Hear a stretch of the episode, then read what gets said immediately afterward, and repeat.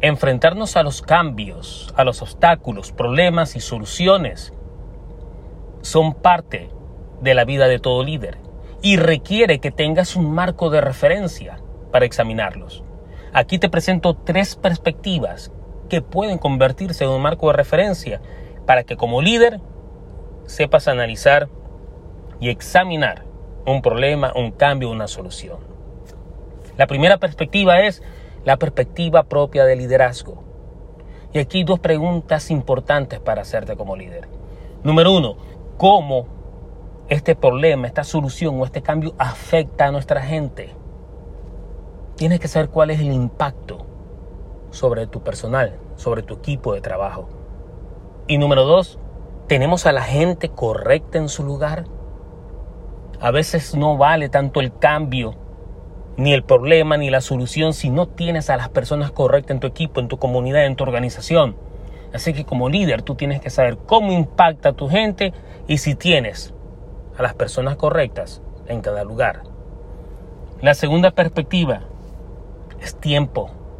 Aquí como líder tienes que preguntarte, ¿es este el momento correcto para enfrentar este problema? ¿Es este el momento correcto para iniciar este cambio? ¿Es este el momento correcto para implementar esta solución? El tiempo es crítico.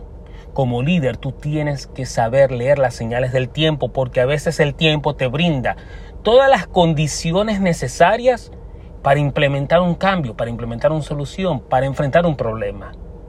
Y a veces el tiempo mismo te dice que no tiene las condiciones para realizar este cambio. Así que como líder, conviértete en un experto en leer las señales y el tiempo. Y la tercera perspectiva es la visión. Y la pregunta aquí es, ¿cómo nos afecta a donde queremos llegar? ¿Cómo este problema nos afecta a donde queremos ir? ¿Cómo nos afecta esta solución? ¿Cómo nos afecta este cambio hacia nuestro destino?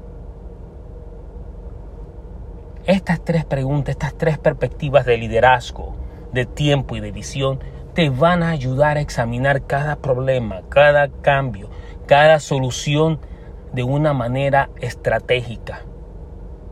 Piensa bien, estamos hablando de personas, tiempo y destino. Espero que estas preguntas y estas tres perspectivas te sirvan como un marco de referencia para analizar tus problemas, tus cambios o las soluciones que quieras implementar. Te deseo todo el éxito del mundo y hasta la próxima.